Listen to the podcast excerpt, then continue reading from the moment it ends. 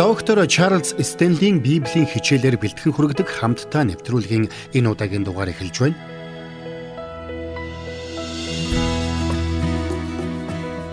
Библийн сургаалыг мэддэг, Морхны үгийг сайтар ойлгодог атла зариудаар Библийн үнний эсрэг сонголт хийдэг хүмүүс олон бий. Энэ нь тэд юу хийх ёстойгоо мэдэхгүйтэй биш. Харин Морхны үгээс илүү өөрийнхөө хүслийг энэ тэргуунд тавьсантай холбоотой юм. Тэгвэл өнөөдөр доктор Стенли биднийг сүрэлт хүргэх буруу сонголтуудаас зайлсхийхэд тусалж Бурханаас ирэх жинхэнэ мэрэгэн ухааны ач тусыг тайлбарлаж өгөх болно. Ингээд хамтдаа доктор Стенли ярианд анхаарлаа хандуулж биднийг эзний хүслийн дагуу амьдрахад туслах заавруудыг хүлээж авцгаая.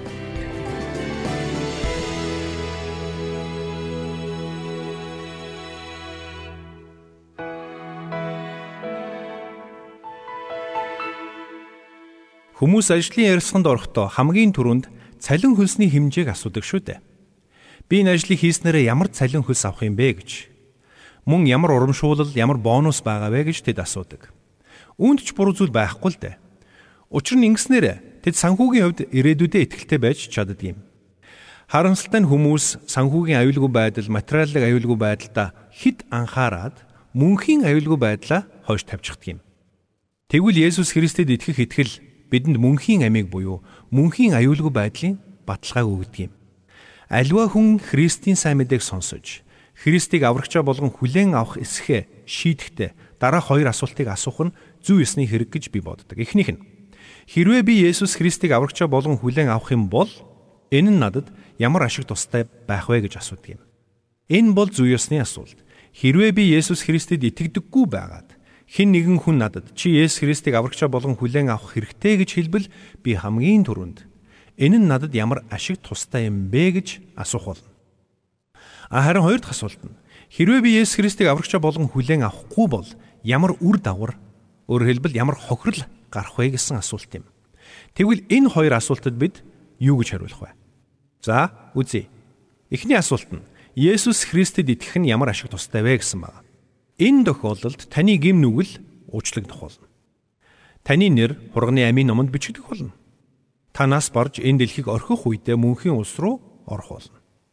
Мөн энэ дэлхийн амьдралын чинь туршид бурхан тантай хамт байх болно. Гуйлт залбиралт чинь хариулж таныг өдөрдөн чиглүүлэх болно. Энэ бүхэн бол Есүс Христийг аврагчаа болгон хүлээн авахын ашиг тус юм. За тэгвэл хоёр дахь асуултад бид юу гэж хариулах вэ? Хэрвээ Есүс Христийг хүлээж авахаас татгалзах юм бол ямар үр дагавар буюу ямар ашиг тусгүй зүйлс бий болох вэ гэсэн асуулт байна. Хэрвээ та ухаантай хүн бол Есүс Христийг хүлээж авахаас татгалзахын үр дагаврыг сонсоод Есүс Христэд итгэх талаар илүү нухацтай бодох болно гэдэгт би итгэлтэй байна. За ямар тач Есүс Христэд итгэж түүнийг аврагчаа болгон хүлээн авахын нэг чухал ашиг тус бол Бурханаас ирдэг мэрэгэн ухааны дагуу амьдрах явдал юм. Энэ бол Бурхны хүүхэд болсон хүмүүст өгөгддөг маш том ашиг тус юм. Ингээд хамтдаа сургаалт өгс намын 3 дугаар бүлгийн 13-аас 18-ыг нь харъя. 13-аас нь уншия. Мэргэн ухааныг олдог хүн ухаан бодрлыг өөрийн болгодог хүн ерөөлтөй. Ашиг нь мөнгөнийхөөс ч илүү, орлого нь алтныхаас ч илүү. Энэ нь эрдэнэсээс ч илүү нандин юм. Тэр нь хүсэл татагч юутай ч зүйрлэшгүй. Түүний баруун гарт нь урт удаан амьдрал Түүний зүүн гарт нь баялаг алдарсуу бий. Түүний зам нь тааламжит, бүх чим нь амар тайван. Түүнээс зурагсад тэр нь амийн мод. Түүнийг даруй барьж авгасад нь ерөөлтөе гэсэн байна. За тэгэхээр бурханлаг мэрэгэн ухаан гэдэг бол альва зүйлсийг бурхны харж байгаачлан харж түүний хүсэл түүний зарчмуудын дагуу хариу үйлдэл үзүүлэх явдал юм. Тэгвэл бурхны мэрэгэн ухааны дагуу амьдрна гэдэг нь яг юу гэсэн үг юм бэ? Энэ нь тухайн хүн Библийн зарчмуудын дагуу амьдралаа харж амьдралд тохиолдож байгаа зүйлсийг тайлж ойлгон Библийн зарчмуудын дагуу амьдрна гэсэн үг. Ингэснээр тэр хүн альва зүйлсийг Бурхны харж байгаачлан харж чадна гэсэн үг юм. Тэгэхээр бидний хувьд эргэн тойрондоо өрнөж байгаа үйл явдлуудыг Библийн зарчмуудад тулгуурлан тайлж ойлгож чадаж байвал энэ нь бид тэр зүйлсийг Бурхны өнцгөр харж чадаж байна гэсэн үг юм. Тэр цагт бид гарцаагүй мэрэгэн ухааны замаар алхах болно. Тэгвэл бид мэрэгэн ухааны замаар алхахын ашиг тус нь яг юу юм бэ? Хамгийн түрүүний ашиг тус бол Бурхныг мэдэх мэдлэг юм. Сургаалт өгс номонд Бурхныг таньж мэдэх нь ямар ашиг тустай болохыг олонтой сануулсан байдаг юм. За тэгвэл мөн харъя. Сургаалт үгсийн 2 дугаар бүлгийн 4-өөс 5-ыг харъя. Цалин цагаан мөнгө мэт үүнийг ирж нууц эрдэн мэт түүнийг хайвас. Эзнээс имэхүг чи ойлгоно. Бурхны мэдлэгийг олж авна гэсэн байна. Та эндээс нэг зүйлийг бодоод үзээрэй. Бидний хувьд амьдралыг тайлж ойлгох ойлголт нь Бурхныг таньж мэдэх бидний мэдлэгтэй шууд холбоотой байна. Өөрөөр хэлбэл бид Бурхны тухай жинхэнэ мэдлэгийг олж авах тусам бид амьдралыг зөвөөр тайлж ойлгохдоо илүү чадварлаг болдгийм. Тэгэхээр бидэнд байгаа хамгийн үнэт эрдэнсүүдийн нэг бол Бурхныг мэдэх мэдлэг юм. Энэ нь зөвхөн Бурхны тухай мэдэх мэдлэгээр хязгаарлагдахгүй. Учир нь Бурхныг таньж мэдэх гэдэг нь Есүс Христийг аврагчаа болгон хүлээн авч Бурхантай хувьчилсан харилцаа тогтоон түүнийг хувьчлан таньж мэдхийн нэр юм. Бид Есүс Христийг аврагчаа болгон хүлээн авсан тэрл мөчөд Ариун сүнс бидний дотор нутаглаж, ариун сүнсний хүчээр Бурхан бидний нүдийг нээж өгдөг юм. Тинхүү бид Бурханыг тис өөр төвшөнд таньж мэдэж эхэлдэг юм. Үнэндээ бидний эргэн тойронд байгаа бүхий л нөхцөл байдлаас өөрийг нь олж харж чаддаг байгаасаа гэж Бурхан хүсдэг юм. Тиймээс ч бид мэрэгэн хүмүүсийн ёсоор амьдрахыг хүсчил байгаа бол амьдралаа Бурханы өнцгөөс харж Библийн зарчмуудын дагуу алхаж сурах ёстой болно гэсэн үг юм. Тэгэхээр бидний хувьд Бурхны мэрэгэн ухааны дагуу амьдрахын хамгийн ихний ашиг тус нь Бурхныг таньж мэдэх мэдлэг байна. Учир нь бид Бурхныг хэдий чинэн их таньж мэднэ, Бурхан бидэнд хайртай гэдгийг төдий чинээ ойлгож ухаардаг юм. Бурхан бидэнд ямар их хайртайг ойлгож ухаарах тусам Бурхан бидэнд хамгийн сайныг төлөвлөж бэлдсэн гэдгийг бид ойлгодог юм. Тиймээс ч бид Бурхныг таньж мэдэх тусам Бурхныг илүү их хайрлаж, Бурхны дуулууртаа дагахыг улам илүү эрмэлзэж Бурхныг магтан хүндлэхийг улам их хүсэж тэмүүлж эхэлдэг юм. Үнэн дээр мэрэгэн ухааны замаар алхна гэдэг нь бид альва зүйлсийг Бурхны нүдээр харах буюу Бурхны өнцгөөс харж сурна гэсэн үг юм. Тэр цагт бид амьдралын альва асуудлыг дан ганц өөрийнхөө бодлоор бус харин Бурхны байр сууриас харж шийдвэрлэх болно. Харин Бурхны таньж мдээгүй хүмүүс өөрсдийнхөө бодлыг дагаж өөрсдөд нь таатай, өөрсдөд нь ашигтай санагдсан сонголтуудыг л хийдэг юм. Тэгэхээр Бурхны мэрэгэн ухааныг олж Бурхны мэрэгэн ухааны дагуу алхахын хамгийн ихний ашиг тус нь дахин хэлий тань. Бурхныг таньж мэдэх мэдлэг байна. За ингээд цаашлие. Мэрэгэн хүний ёсоор амьдрч мэрэгэн ухааны замаар алхахын хоёр дахь ашиг тус нь бид Бурханаас тодорхой өдөрдмжүүдийг хүлээж авах явдал юм. Өөрөөр хэлбэл Бурхан бидний амьдралд хандсан маш тодорхой заавар өдөрдмжүүдэ өгнө гэсэн үг юм. Ингээд хамтдаа сургаалт өгс номоос харъя. 4 дугаар бүлгийн 10-аас 12. Хүмүн сонс хэлж байгааг минь хүлээн ав. Амьдралын чинь он жилүүд нэмэгдэх болно. Би чамд мэрэгэн ухааны замыг заалаа. Би чамайг шулуун жимээр удирдлаа. Алхах үедээ алхаач нь саатахгүй. Гүүх аваас чим бүдрэхгүй гэж хэлсэн байна. За тэгэхээр бид Бурхны хүслийг эрэл хийлж, аливаа асуудлыг Бурхны өнцгөөс харах гэж эрмэлзэж эхлэх үед Бурхан бидэнд өөрийн удирдамж заавруудыг маш тодорхойгоор өгдөг юм. Учир нь бид аливаа нөхцөл байдал дундаа Бурхныг эрэл хийлэх үед Бурхан бидэнд юу нь хамгийн зөв, юу нь хамгийн сайн, юу нь хамгийн мэрэгэн болохыг илчлэн хэлж өгдөг юм аа. Тинхүү бид хамгийн зөв, хамгийн сайн шийдвэрүүдийг гаргаж чаддаг болно гэсэн үг. Хэрвээ бид Бурхны хүслийг эрэлхийлдэг байх юм бол бид маш олон буруу сонголт, буруу шийдвэрүүдээс зайлсхийж чадна. Учир нь Бурхан намайг энэ тохиолдолд юу хийгээсэ гэж хүсэж байгаа болоо.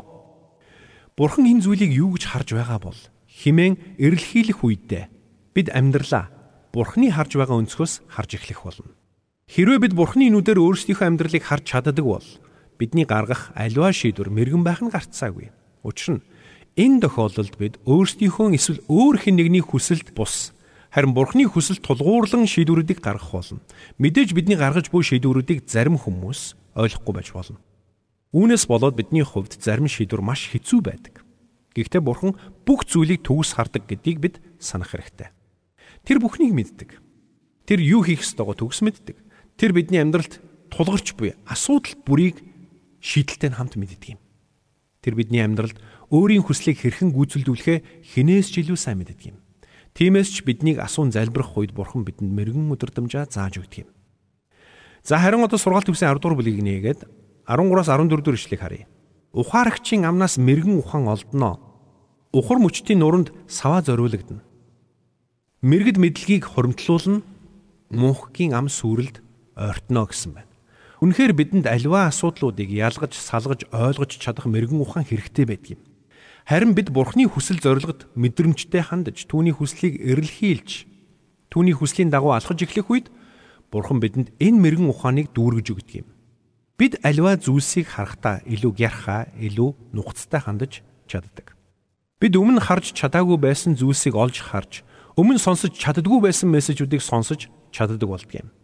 Өөрөөр хэлбэл бид нүдэнд ил харагдаж байгаа зүйлсийн цаана нуугдж байгаа үл үзэгдэх зүйлсийг олж харж ялгаж салгах чадвартай болдгийм.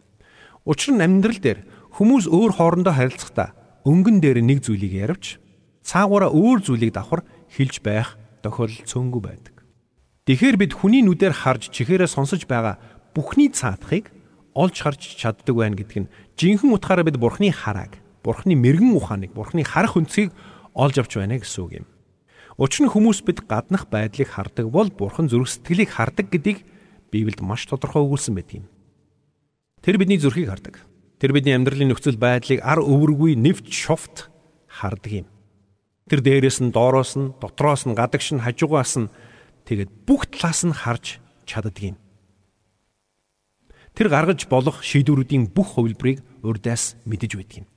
Бидний гаргаж болох бүх алдаагч урдаас мэдсэн байдаг.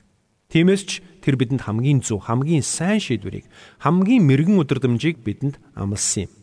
Сургаалт өгс намын 3 дугаар бүлгийн 5-аас 6-ыг харах юм бол бүх зүрхээрээ эзэн итэг. Бүх зүрхээрээ. Бүү түшгэл өөрийнхөө ойлголтод. Түүнийг мэдхэд зам бүхэн чинь байг. Тэрээр зам харгуугч нь шулуутгана. Гисэн байдгийг та битгий мартаарай. Учир нь бид Бурхны мэрэгэн ухаанаар алхаж эхлэх үед Бурхан бидэнд тодорхой заавар өдөрдөмжүүдэ гарцаагүй өгдөг юм. Аливаа нөхцөл байдал донд бид хамгийн түрүүнд бид өөрийнхөө хүссэн замаар явахыг хичээдэг. Өөртөө зөв санагдсан тэр замыг л бид оролддог. Мэдээж энэ хамгийн амархан сонголт. Харин тэр нөхцөл байдал донд Бурханд хандан залбирч Бурхан минь энэ нөхцөл байдал донд би хаашаа явах нь зөв бэ? Та намайг хаашаа яваасаа гэж хүсэж байна вэ гэж асуудаг байх нь амаргүй юм. Үнэн дээр бол энэ бол хамгийн зөв сонголт юм.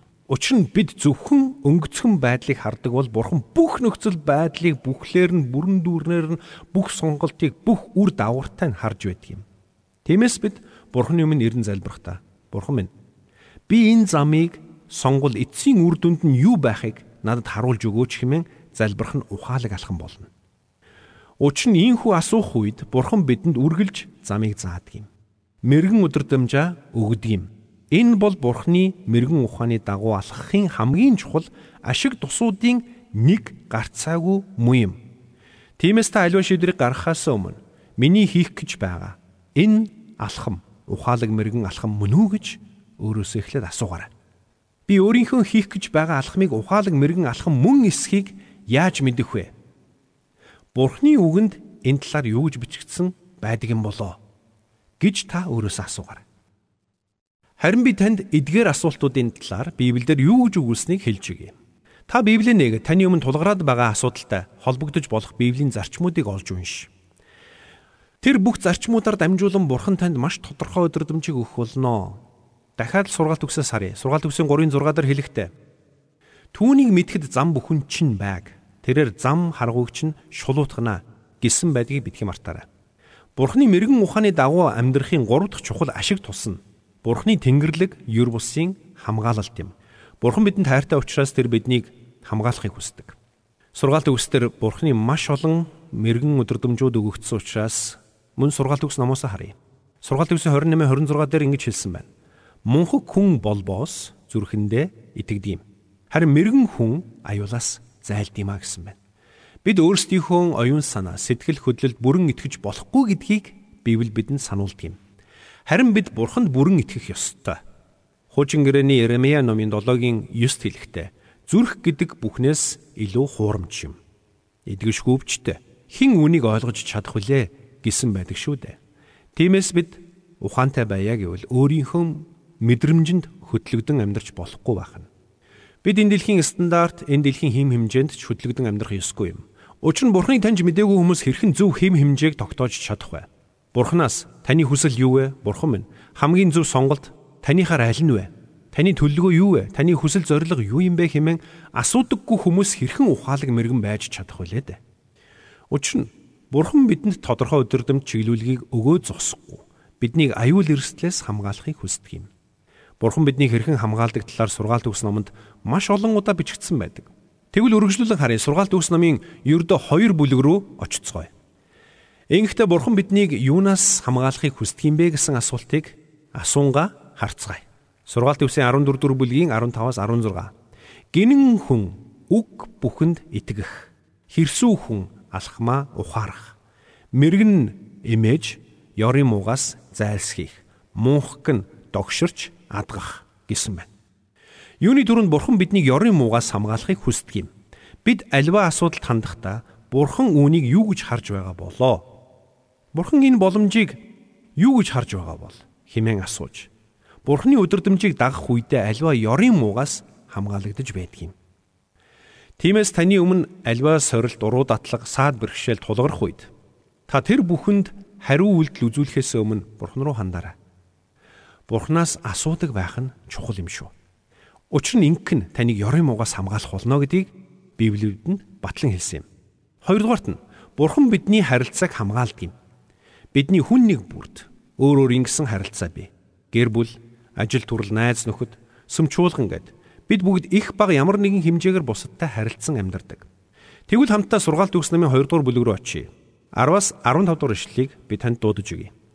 Хянамга чанар чамайг сэргийлнэ. Ухаан бодрол чамайг хамгаална. Энэ чамайг хорон муугийн замаас ч хоосон гаж яригчаас ч харанхуйн замаар явах гэж шулуун харгуйг орхигсдоос ч ёсгүй мууг хийдгээрэ бахархчдаас ч ёрийн гадсанд баясагчдаас ч мөрөө замтай хүмүүсээс ч буцдаг жимтэй хүмүүсээс ч хамгаалах болно гэсэн байна. Хм гайхалтай. Бурхан биднийг замаа алдан төөрж отохоос хамгаалдаг гэдгийг бид эндээс харж болно. Цааш нь үргэлжлүүлээ сургаалт өгс намын 2 дугаар бүлгийн 16-аас 22 дугаар ишлэгийг унших юм бол Бурхан биднийг муу хүмүүсийн уруу датлагаас сэргийлдэг болохыг харах болно. За ингээд би танд дуудаж өгье. 16-аас 22. Сайхан уйрам үгтэй хөндлөнгийн эм буюу садар эмээсч тэр салган аврах билээ. Эдэр насныхаа ханыг орхиж энэ юм. Эзэн бурхныхаа гэрээгч бас умартжээ. Орон гэр нь үхэл рүү хэлбижээ. Одох жим нь үхгсдийн орон ажээ. Тэр эм рүү явагсад эргэж үл ирнэ. Тэд амийн харгуйг ахиж ис олно. Иймээс сайн замаар яв. Тиймээс зөвийн харгуйг сах. Чигт шудраг хүмүүс газар дээр амьдарч гим зэмгүүн тэнд үлдмөй буруутууд газраас таслагдаж бачид хүмүүс тэндээс арчигдмөө. Үнэхээр бурхан бидний харилцааг хамгаалдаг. Биднийг муу хүмүүст уруу татагдан замаа алдаж отохоос бурхан биднийг хамгаалдаг юм. Учир нь биднийг уруу татаж бидний замыг алдуулах муу хүмүүс бидний эргэн тойронд олон байдгаа гэдгийг Библи батлан хэлсэн юм шүү. Цаашилбал ёс бус амьдралаар амьдарч биднийг ёс бус амьдралын хэв маяг руу уруу татдаг хүмүүс ч олон бий. Харин бидний тэр бүх хүмүүст уруу татгатахаас бурхан мэрэгэн ухаанаараа хамгаалдаг юм. Бурханы хүсэл юу вэ? Бурханд юу яг таалагддаг юм бэ? Бурханы үг нь юу гэж бичигдсэн байдаг вэ? Хэмээн эрен хааж зүрх сэтгэлдээ асуух үед бид тэр бүх уруу татлаг муу нөлөөнөөс холдож байдаг юм. Тэгэхээр Бурханы мэрэгэн ухааны замаар алхах үед энэ нь бидний муу хүмүүсийн уруу татлаг муу нөлөөнөөс хамгаалдаг байна. За ингээд цаашлие. Бурхан биднийг ноцтой алдаа гаргахаас мөн хамгаалдаг. Сургаалт үсгийн 2 дугаар бүлгийн 8-аас 10-ыг нь харъя. Шудраг ёсны харгуйг тэр хамгаалж бишрэлтнүүдийнхээ замыг хадгалмуу. Тэгвэл зөвхт байдал шудраг цаазыг чи ухаарна. Чигч байдал сайн зам бүрийг ойлгоно. Ингээс зүрхэнд чинь мэрэгэн ухаан орж санаа сэтэл чинь мэдлэг тааламжтай байх болно гэсэн байна. Үнэхээр бурхан бидний ноцтой алдаа гарахаас хамгаалan сэргийлдэг. Яагаад? Яагаад гэвэл бид мэрэгэн ухааны замаар алхахдаа бурхан энэ зүйлийг юу гэж харж байгаа юм бэ? Энэ тохиолдолд ямар алхам хийх нь хамгийн тодорхой юм бэ? Миний хийх гэж байгаа сонголт мэрэгэн сонголт мөн үү? Эзэн минь. Химэн бид үргэлж асуух болно. Биднийг ийхүү асуух үед бурхан ч бас бидэнд юу хийх ёстойг маань илчлэн зааж өгөх болно. Заримдаа бид олон салаа замын уулзуур дээр ирдэг. Заримдаа бид ямар сонголт хийх ёстойгоо мэдэхгүй болох үе гардаг. Тэгвэл бид Бурхны өдөрдмжийг даган алхаж байгаа үед бид ийм нөхцөл байдал донд ч хаашаа явах ёстойгоо тодорхой мэдж байх болно. Энэ нь бид ноцтой алдаа гарахаас хамгаалагдаж байна гэсэн үг юм. Учир нь Бурхан бидэнд аливааг ялгаж салгах чадварыг өгсөн байдаг юм. тухайн нөхцөл байдалд Бурхны хүсэл юу болохыг тэр бидэнд илчилж өгөх болно. Энэ нь биднийг ёрын мөг бус харин зөв сайныг үйлдэж, буруу замаар биш харин зөв замаар алхах шалтгаан болох болно. Бурхан биднийг буруу харилцаанаас, буруу сонголтоос, буруу шийдвэрээс, буруу хөрөнгө оруулалтаас, буруу алхмуудаас хамгаалах болно. Яагаад тэр вэ? Учир нь Бурхан бидэнд мэрэгэн ухааныг хүсдэг юм. Тэр биднийг өдөрдөн зөв замаар хөтлөн дагуулахыг хүсдэг юм. За тэгэхээр Бурханы мэрэгэн ухааныг олж аван мэрэгэн ухааны замаар алхахын өөр нэгэн ашиг тусна. Бурханы хамгаалалт байх нь. Бурхны мэрэгэн ухааныг олж авч мэрэгэн ухааны замаар алхахын дөрөв дэх ашиг тусыг харин танд хэлж өгье. Энэ нь Бурханаас ирэх хүч чадал юм. Үнэхээр Бурхны үгийг дагаж Бурхны мэрэгэн ухааны дагуу амьдарч байгаа нэгэнд Бурхан гайхамшигтай хүч чадлыг өгдөг юм. Мөн сургаалт өгсөөсөө харъя. 24 дугаар бүлгийн 5-6 дээр. Чадалтайгаас мэрэгэн нь хүчтэйгээс ухаантай нь илүү. Дайтвас мэрэгэн өдөрдмжийг даг. Зөвлөхүүд ариун аваас ялалт ирнэ гэсэн байна. Мэрэгэн хүн илүү хүчтэй байдаг. Хүчтэй гэдэг нь юу гэсэн үг юм бэ гэж та асууж байж болох юм. Би танд тайлбарлаж өгье. Бид Бурхны хүслийг эрэл хэлж энэ асуудлыг Бурхан яг юу гэж харж байгаа юм болоо? Бурхан ямар зорилгоор надад зөвшөөрсөн бол химэн эргцүүлэн бодох үед Бурхан бидэнд өмнөө тулгарсан саад бэрхшээлийг илүү өөр өнцгөөс харах боломжийг нээж өгдөг юм. Үнэхээр бид Бурханы мэрэгэн ухааны дагуу амьдрах үед бидний амьдралд Тэнгэрлэг ирч хүч дүүрэн байдаг.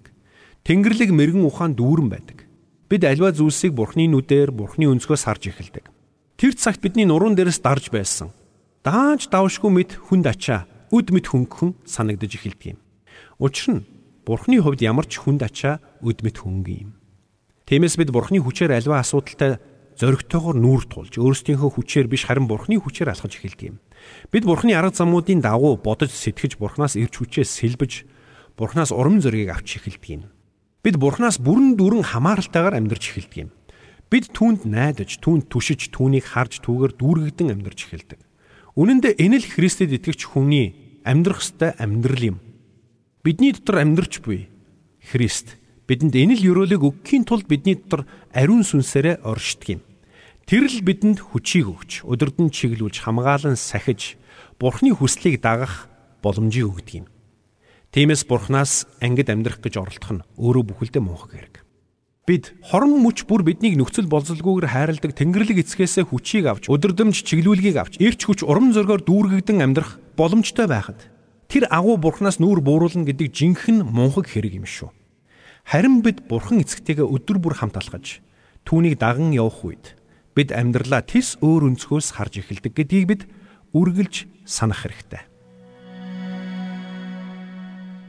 Жинхэнэ мэрэгэн ухааны эхлэл Бурхныг таньж мэдхээс эхэлдэг бол Бурхныг таньж мэдхийн эхлэл нь Есүс Христийг хүлээж авах явдал юм гэдгийг доктор Стенли өнөөдөр бидэнд тодорхой хэлж өглөө. Тиймээс хэрвээ та хараахан Есүс Христийг аврагчаа болгон хүлээн авч амжаагүй байгаа бол энэ чухал шийдвэрийг яг одоо гаргаарай. Тинхүү мэрэгэн ухааны замаар алхах эхний алхмыг та хийх болно. Есүс Христийг аврагчаа болгон хүлээн авсан бидний хувьд мэрэгэн ухааны замаар алхахын тулд Бурхны үгийг тунгаан бясалгаж, эзний хүслийг эрэлхийлэх нь чухал гэдгийг санах хэрэгтэй. Дуулал 19-ийн 7-оос 11-д бидэнд сануулгахдаа эзний хуулийн төгсдөг үлдэр сэтгэлийг сэргээдэг. Эзний гэрчлэл нь бадтай. Гэннийг ухаантай болгодог. Эзний сургаал нь зөв, зүрхний баясгалан. Эзний тушаал нь тодорхой. Нүдний гэгэрэл. Эзнээс эмээхийн цэвэр мөнхөд оршдог. Эзний шүүлтүүд үнэн бүгд зөв шудраг. Тэд алтнаас, их шижир алтнаас ч илүү хөсвөштэй. Зүгийн бол зүгийн сархинагаас тусдагаас ч илүү чихэрлэг. Бас эдгээрээр таны зарц сануулга авсан тэдгэрийг сахин биелүүлснээр агуу их шагнал байдаг гэсэн байдаг үлээ.